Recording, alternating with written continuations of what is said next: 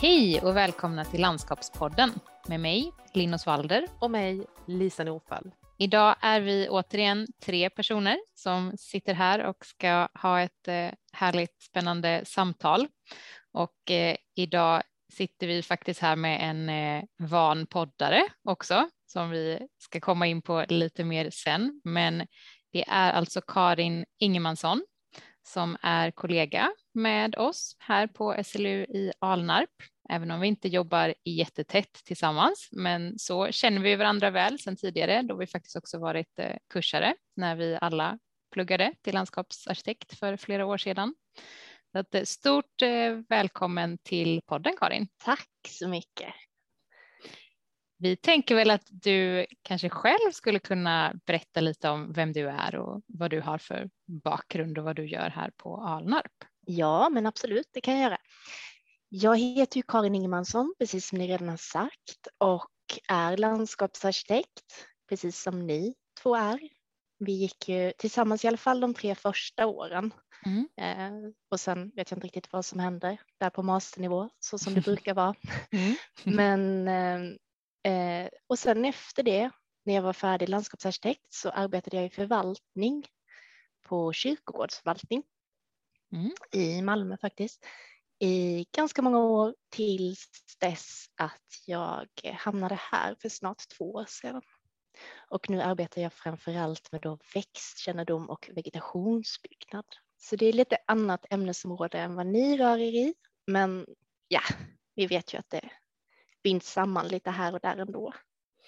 Precis, och det är det som, eh, som är så härligt med vårt yrke på något sätt, för att jag och Lisa pratar ju ofta om att vi har ganska olika erfarenheter med oss sedan tidigare och har jobbat i olika skeden av byggprocessen och du har ju ytterligare en annan del, så att det är jättevärdefullt att eh, kunna prata med dig också här så att vi kan få in den här eh, växtkompetensen lite mer i podden också som inte jag och Lisa besitter så där jättedetaljerat i alla fall. Så att det är jättekul att ha det här. Tack. Ja, men det är ofta just den här liksom olika skalan kring ett ämne, att man befinner mm. sig och cirkulerar runt ett ämne, men man kanske inte går ner i detalj eller så håller man sig på detaljnivå bara för att man har hamnat där och går aldrig upp i skala. Så att mm. eh, ofta så rör man vid både det ena och det andra lite ytligt. Mm. Jag tänker att vi ska börja med att prata lite om din undervisning här på universitetet, Karin. Och du nämnde det här med växtkännedom och vegetationsbyggnad. Kan du först bara kort förklara för den som inte vet vad de där begreppen innebär, vad det är för någonting vi pratar om? Ja, jo men absolut. Växtkännedom, det, det hör man ju lite, det handlar om att känna växter, att att veta om växter och kunna identifiera växter, men också att förstå hur man liksom använder sig av växter. Och eh, vi är väldigt inriktade på hot i kulturen, det vill säga liksom hur vi anlägger saker och använder oss av växter i liksom planerings och eh, designprojekt och sådär. Men man tittar ju också ut mot naturen, hur växterna har det i naturen och var de kommer ifrån. Sen så alla som har pluggat på Alnarp har också tenterat växter och då blir det väldigt mycket artidentifiering. Man ska alltså kunna vetenskapliga namn på växter. Det, det är liksom så en tenta går till.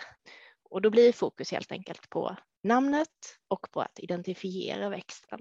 Ja, det är liksom design, hur du bygger upp det med växter, men det är också biologin hos växterna som spelar in, att ha ståndortskunskapen och Eh, teknik i vissa fall, hur du bygger upp bäddar och så vidare. Eh, och vilken typ av växter man använder sig av, alltså rent kvalitetsmässigt från plantskolor. Så det är liksom mer en mix av mycket olika kunskaper som behöver komma in. Och där dök ju ett annat begrepp upp, just det här ståndort mm. och vad det innebär.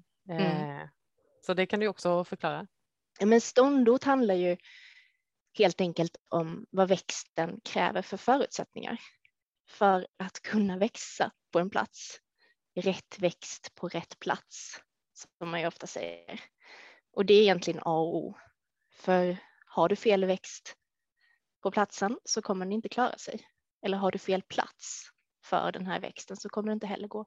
Så det är liksom grundläggande egentligen i anläggandet av en park eller torg eller vad det nu kan vara. Just det. Och eh, hur ser den här undervisningen ut? Du nämnde där tenta, känna igen arter, men hur lär man sig växter?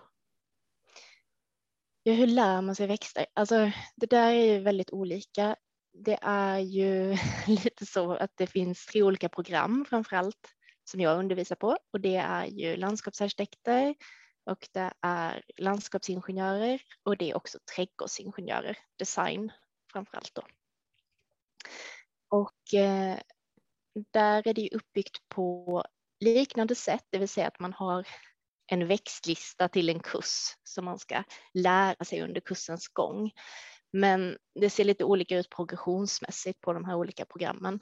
Liksom att man lär sig på, på lite olika material på olika eh, program. För att man också sysslar i olika skala helt enkelt. Eh, men att lära sig växter, det handlar mycket om att förstå systemet. Att förstå um, att det finns liksom familjer av växter, det finns släkten av växter, det finns arter och det finns också i handeln kultivarer, det vill säga vi har tagit fram sorter som också då är anpassade för att, att användas i, i anläggning. Och det arbetet, det gör man ju väldigt mycket själv som student. Men som lärare så får man ju då presentera. Här kan du titta på växter, här kan du lära dig av växter eh, och om växter. Och det handlar ju jättemycket om att bygga upp en erfarenhet. Att besöka platser.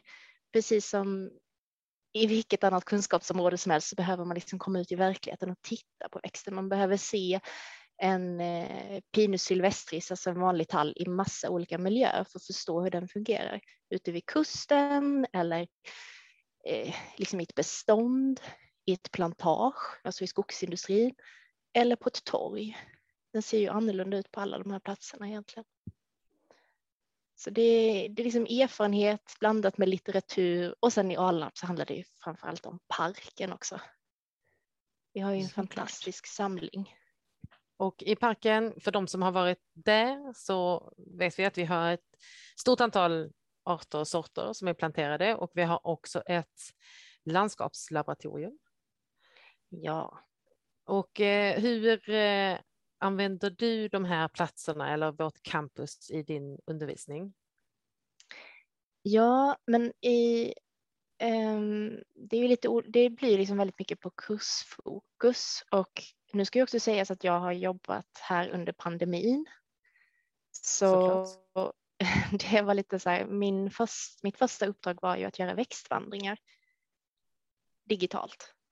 Vilket var lite så där lurigt i början så det blev väldigt mycket eh, bildmaterial. Men om det inte är så att man inte får träffas, nu sa jag det jättelurigt, om man får träffas på campus så är man ju normalt då och går växtrundor i parken. Så då går man liksom och tittar på de här olika träden tillsammans med studenterna och eh, pratar om dem och presenterar några olika punkter som kan vara viktiga att fokusera på när det kommer till identifiering av dem. Till exempel, ja, men här, den här eh, björken har så speciell stam. Liksom. Så när du ska kolla på en eh, Betula utelist, då är det liksom stammen som är väldigt viktig till exempel. Eller om du kommer till någon annan art så kanske knopparna är särskilt viktiga på vintern. Eh, så att det handlar mycket om att liksom peka på de här punkterna som är viktiga. Men sen behöver man ju också få in lite anekdoter ibland eller någon, någonting som har med kulturen att göra, användning, sådana saker för att det ska bli lite kul. Ja, och jag tänker när man är ny eh, som student då, står som ny inför den här kunskapen så behöver man liksom hänga upp det på någonting utanför växtvärlden, i alla fall i början. Ja, Ja, men verkligen. Och jag tror också att man, just det här att man redan känner till något lite gör att man lättare tar till sig kunskapen. Mm. Så att man mm. bara liksom säger, men det här är, eh, det här är någonting du använder till rep till exempel. du vet när du har det där repet, nu vet jag inte vilken växt jag pratar om, det är bara en hypotes. Men Mm. när du har det där repet du slår om eh, de här grejerna med, då är det just den här växten. Då blir det så himla mycket lättare att komma ihåg den växten sen. Mm. Eh, just att man hittar sådana saker. Mm.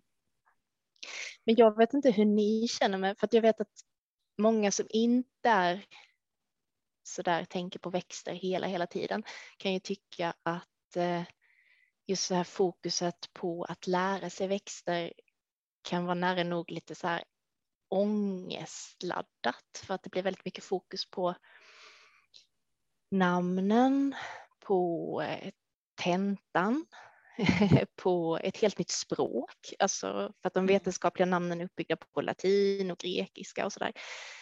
Så att eh, har ni en positiv bild av, av växtkunskap? Växtkännedom? Du får köra först Linn. Ja, eh, jag, jag kommer ihåg att jag som student nog tyckte att det var ganska så kul att lära mig just de här namnen och försöka förstå vad de här latinska orden syftade på och så, för oftast har de ju ändå någon form av betydelse kopplat till liksom växtens utseende eller så. så att det tyckte jag var väldigt kul att lära mig. Sen absolut så hade vi ju en, en väldigt stor mängd växter att lära oss och det var ju absolut lite ångestfyllt. Jag tror inte jag klarade den där tentan på första försöket, i alla fall den där första vi hade, eh, utan det var ju såklart, eh, det tog ju mycket mycket tid och energi att försöka lära sig det här.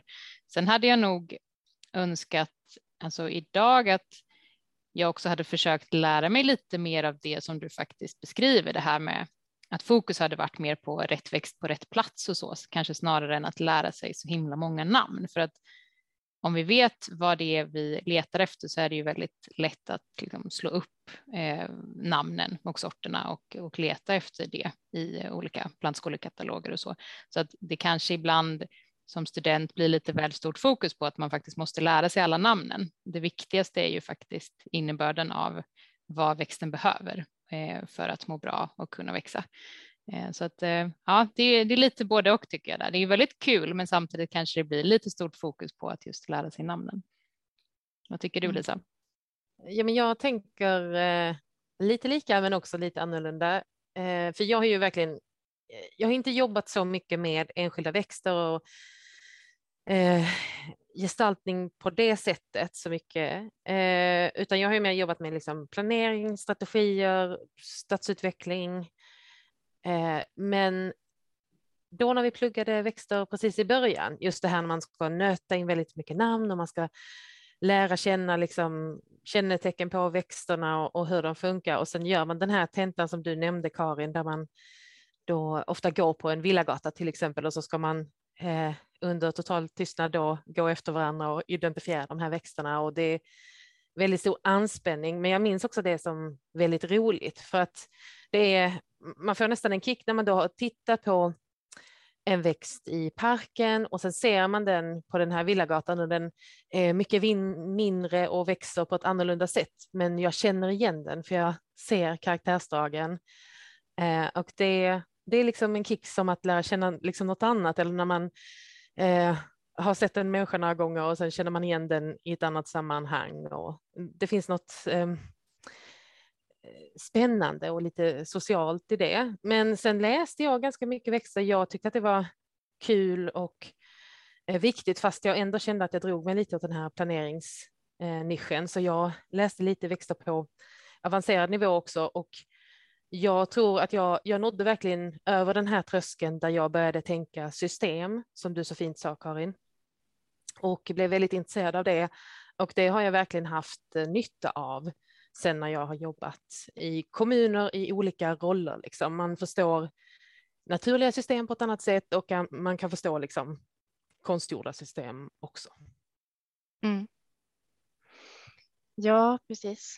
Ja, men, eh, jag, jag, tror att många upplever det så som ni, ni gör, att, att det är liksom lite tudelat, att det blir mycket fokus på att kunna namn. Men vi är ju inte superhårda med att man ska liksom vara jätte bra på just stavningsbiten eh, faktiskt, utan det ska ju vara slåbart då så man ska kunna mm. slå upp det.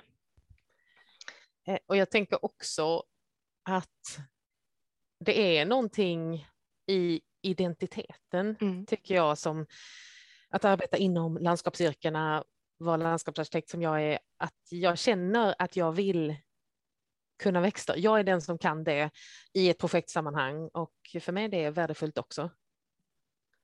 Mm.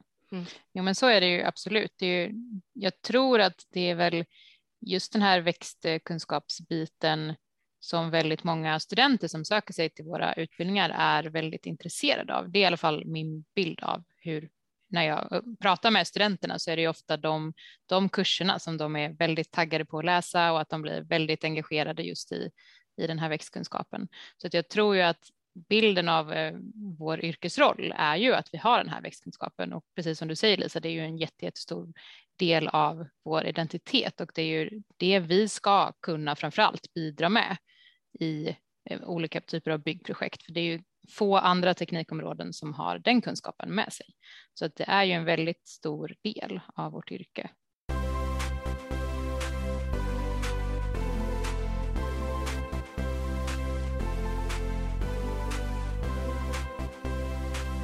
Om vi lämna det här ämnet med din undervisning lite grann som du gör på Alnarp och fokusera lite på vad du, eh, du själv alltså, har för dragning till växter och din bakgrund till. Varför började du studera landskapsarkitektur? Och är det någonting du har haft med dig sedan tidigare att du varit väldigt intresserad av växter eller trädgård eller så?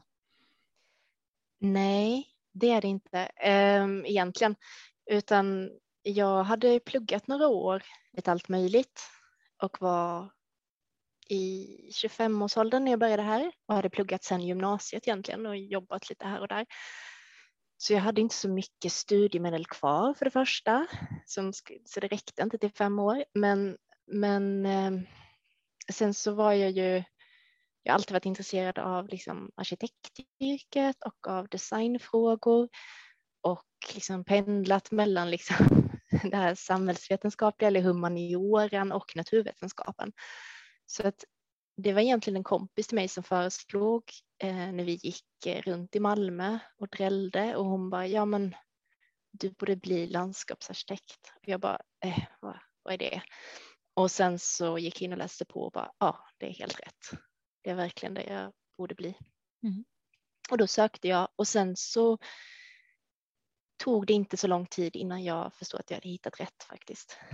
Utan jag kände mig väldigt hemma i det här tvärvetenskapliga och i att man liksom får gå ner ganska djupt i olika ämnen. Alltså man gör laborationer som är liksom kemi, eh, men man kan också liksom zooma ut helt och titta på geologin till exempel eh, för att i nästa kurs då ägna sig åt formlära och eh, mer så här rumsliga aspekter.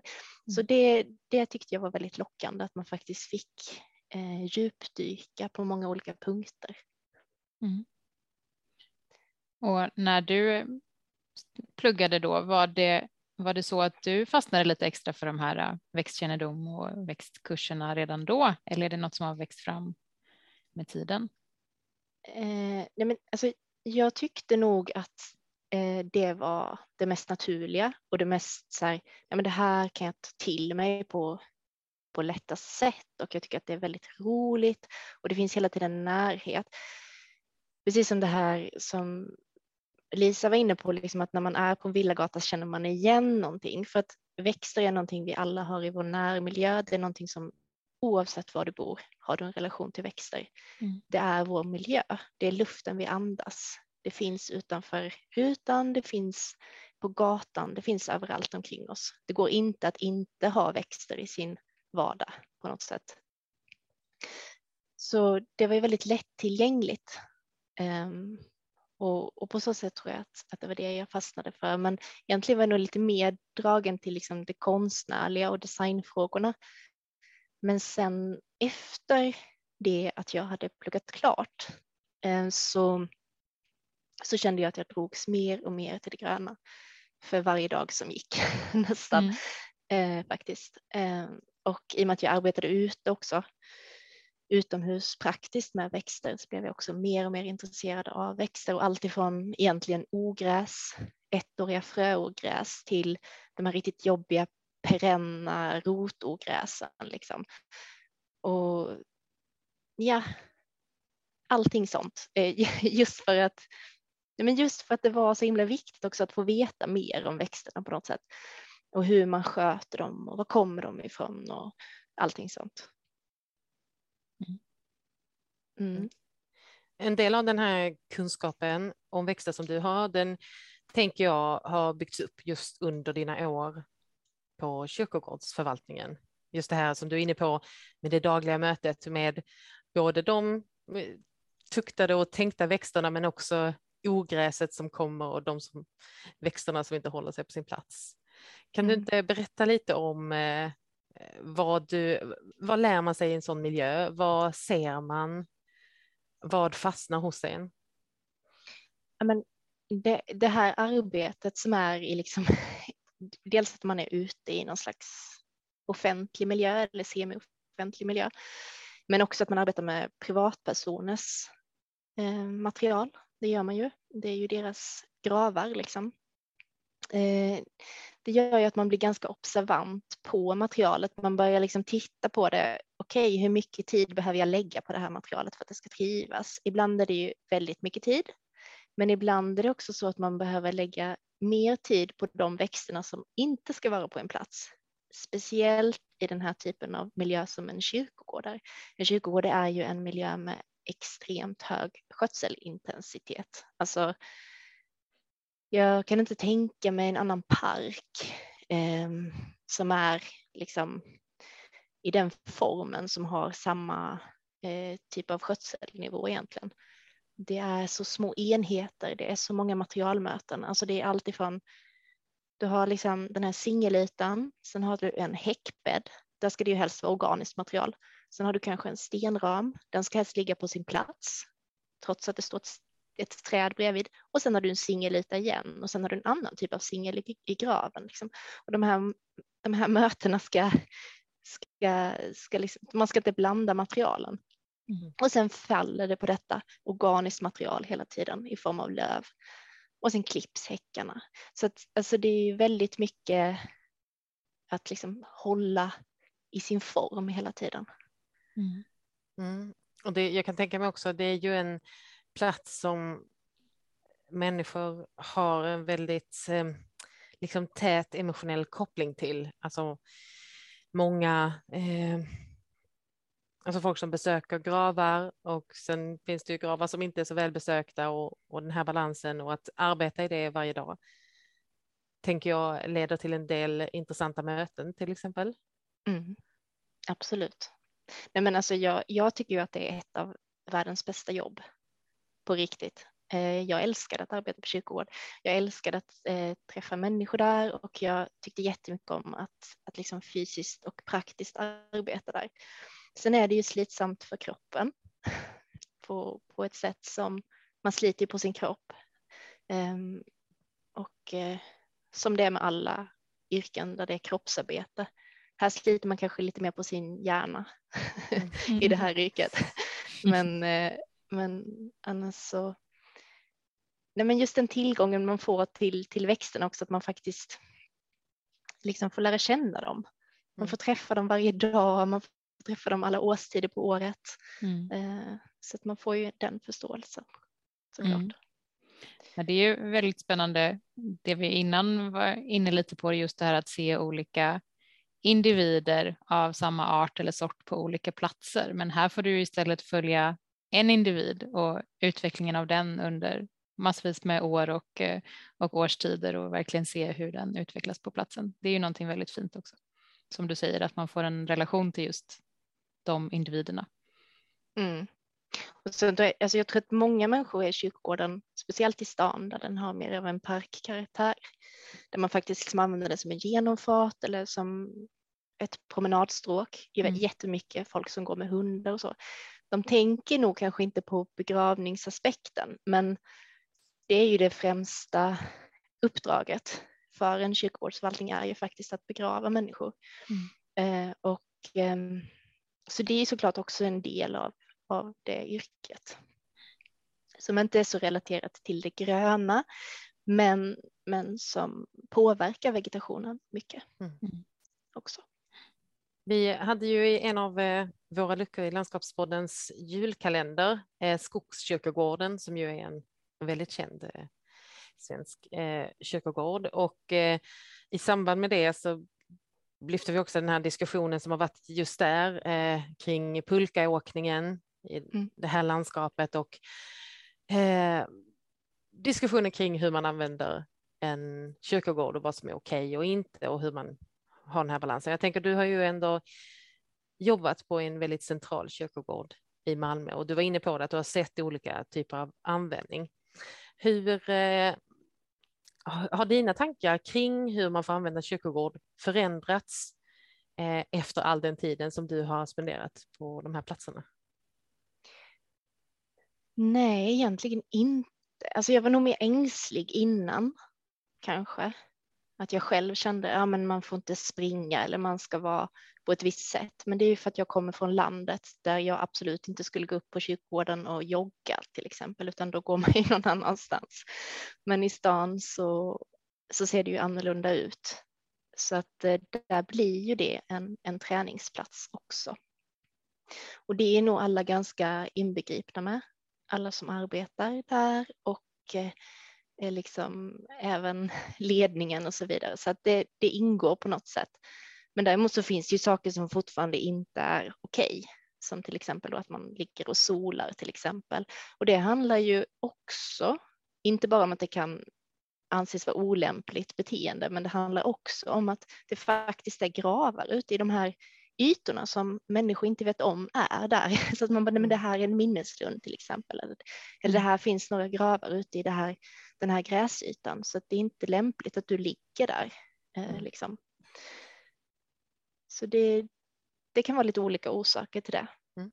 Men precis som alla offentliga eh, parker, också i Malmö, så, så är det ju allas rum. Liksom, och där finns ju allt ifrån liksom, missbruksproblem som synliggörs eller hemlösa som bor ibland och så vidare. Och ja, så är det ju med de offentliga rummen. Alla mm. människor är ju där och alla människor har ju också rätt att vara där mer eller mindre. Det finns ju inte ett regelverk kring sånt.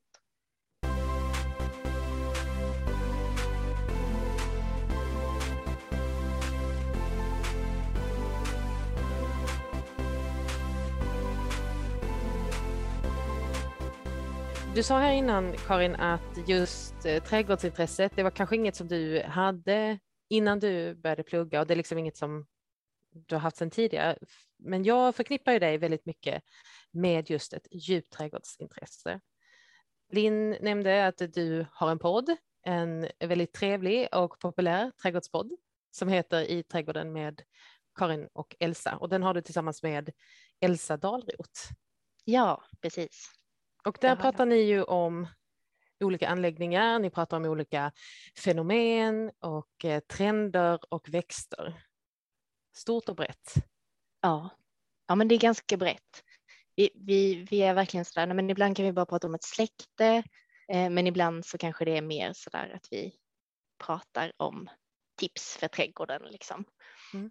Um, och då är det ju väldigt mycket fokus på privata trädgårdar såklart. För jag tror också att det är vår målgrupp. Alltså, vi har inte, ni vet ju själva att man har inte riktigt koll på exakt vilka som lyssnar. Man ser statistiken, men man ser inte vilka de här individerna är riktigt. Så, så det är lite lurigt, men, men min uppfattning är att de flesta ändå har en egen privat trädgård eller en hemträdgård. Mm. Mm. Och du har ju också en trädgård som ja. du jobbar mycket i. Absolut. Och eh, hur länge har du haft den trädgården? Eh, sen 2016. Så att det är inte så länge. Det är eh, fem och ett halvt år. Ja. ja. Och det var din första egna trädgård? Ja, det mm. var det. Jag är uppväxt i trädgård eh, och jag har haft odlingsslott och så här i Malmö, men det var den första liksom trädgården som jag fick bestämma över. Ja. Och eh, jag tänker vad, vad har det gjort med dig att ha en egen trädgård? Men det har gjort jättemycket.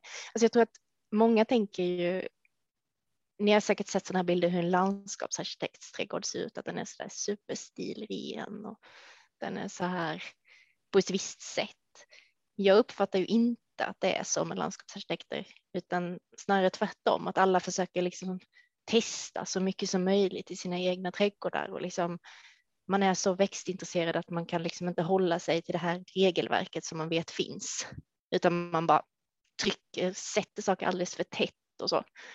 Eh, och så är det lite hos mig också. Alltså, jag, jag, man håller sig liksom, man, man gör inte så som man lär, utan man gör på ett annat sätt. liksom. jag känner verkligen igen mig i den bilden. Jag har ju också en egen trädgård som jag har haft i några år och det är ju verkligen så där är väldigt eh, laborativt och man vet liksom det här ska inte funka här men jag gör det för jag bara kör liksom. Ja. Eh, och jag tänker att det är, ja men det är väl så det ska vara. Ja, man låter väl lusten liksom eh, jag tror det är viktigt också. Jag tror det är mm. viktigt att få testa, att få se själv med egna ögon vad som händer när jag sätter den här eh, ljuskrävande arten lite för skuggigt eller liksom mm. det, det, är för tung jord för den här växten. Den behöver mer väldränerat men jag sätter ändå den här. Den kanske klarar det och då kanske jag har förskjutit någon gräns. Mm. Och just det där som du beskriver där, det får vi ju se, vi som följer dig på Instagram lite då och då när du liksom har gjort något experiment eller hittat någonting som eh, inte borde ha överlevt eller funnits i din trädgård. Då brukar du rapportera om det och det är väldigt trevligt att följa. Tack.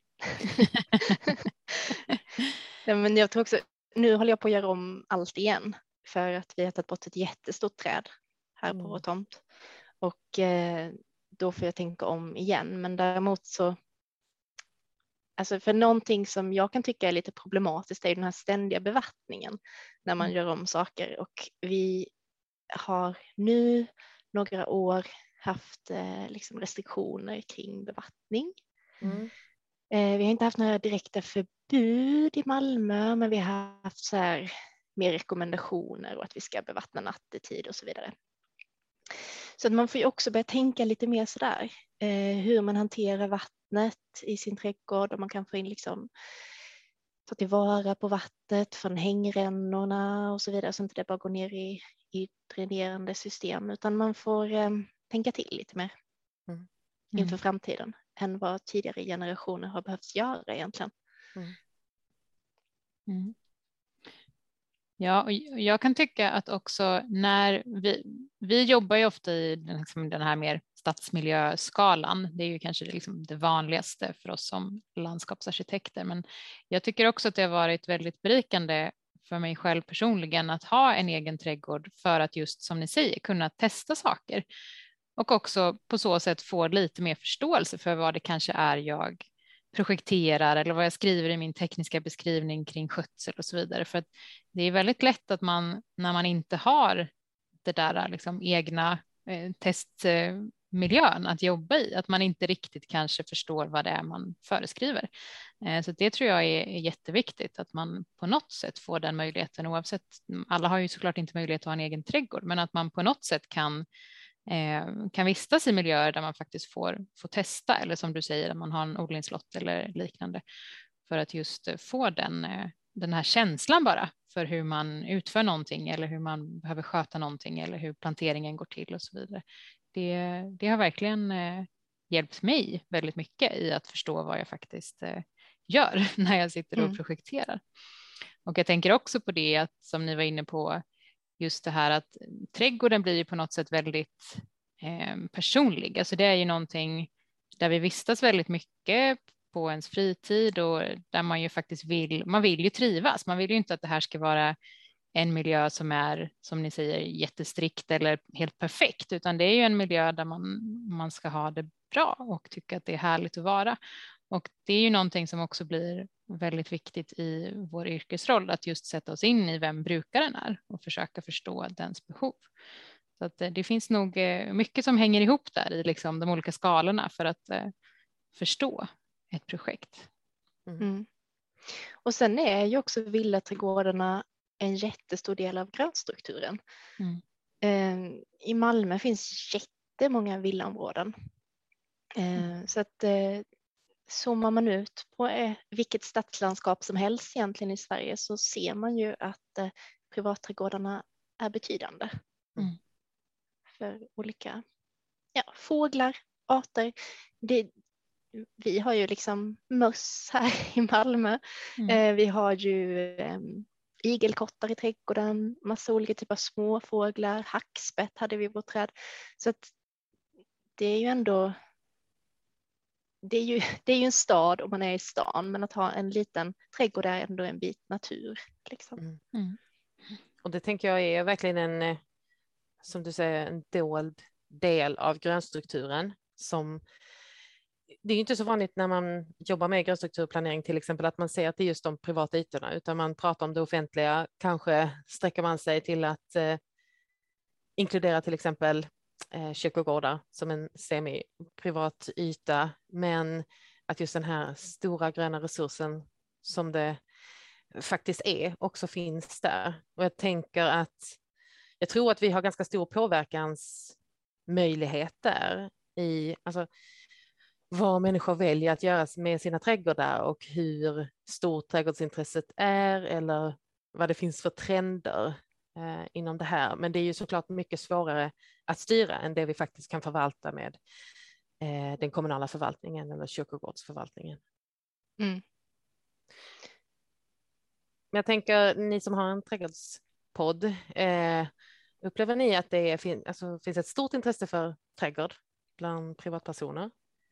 Ja, jätte, jättestort.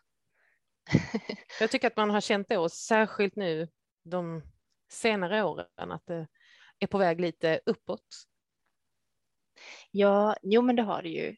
Eh, det säger ju alla också att liksom, materialet tar slut i plantskolor. Vi hade ju också en situation där fröet tog slut ganska snabbt, eh, lökar och knölar.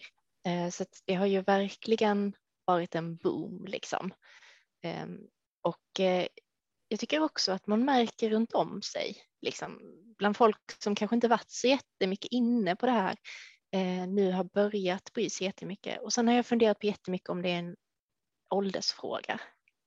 För det är klart att för 25 år sedan så brydde väl sig inte jag mig om, om det. Liksom. Man har inte riktigt det perspektivet. Jag tror att man kanske behöver vara lite äldre för att se trenderna i det långa loppet, liksom, eller ja. förstå dem fullt ut. Men, eh, men samtidigt, folk håller på i sina trädgårdar. Alltså.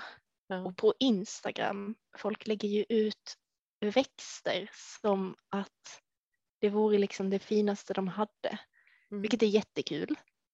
Eh, det gör ju jag också. Mm. Men, men samtidigt så undrar man ju liksom var, var kommer det ifrån? Varför, mm. Har det alltid varit så här? Jag vet inte. Jag tror Nej. man behöver någon liten större, bredare, längre perspektiv på den analysen. Ja, men såklart, och jag tänker att det är ju ändå intressant. Eh, lek med tanken att det är så att när, man, när pandemin kom och vi fick massa andra restriktioner, då, då går vi liksom ut och bygger och gräver Eh, det tycker mm. jag är en ganska kittlande tanke, att det ligger så nära det som människan allra helst vill göra. Liksom. Det är naturligt för oss att rafsa mm. runt. Sen är det kanske inte så noga med exakt hur det blir eller vad det blir i slutändan. Nej, nej precis. Det, det, vi har faktiskt ett poddavsnitt om just det, pandemin mm. och liksom den typen av, av eh, trädgårdsgörande som kommer i kriser och tider av och lite så. svårigheter mm. krigsträdgårdar och så vidare. Mm, just det. Du Karin, du bor ju i Malmö och du har jobbat i Malmö och jobbar nu på Alnarp. Så då tänkte jag att du skulle få tipsa oss och våra lyssnare om eh, några anläggningar som du tycker är värda ett besök i Malmötrakten. Mm -hmm. I Malmötrakten? Um, Alltså själv åker jag ju nästan alltid till naturen. Så jag, jag har liksom den här eh, kartan över eh, olika reservat och eh, nationalparker och så vidare framme hela tiden. Jag går alltid in på Länsstyrelsen. Ehm, så att, men sen anläggningar. Ehm, Millennieparken tycker jag är eh, häftig. I, i, ligger vid Katrinetorp, alltså Lindängelund. Mm. Eh, vid Lindängen i södra Malmö. Den är väldigt häftig att titta på. Um, och det är ju en nyplanterad skog kan man säga.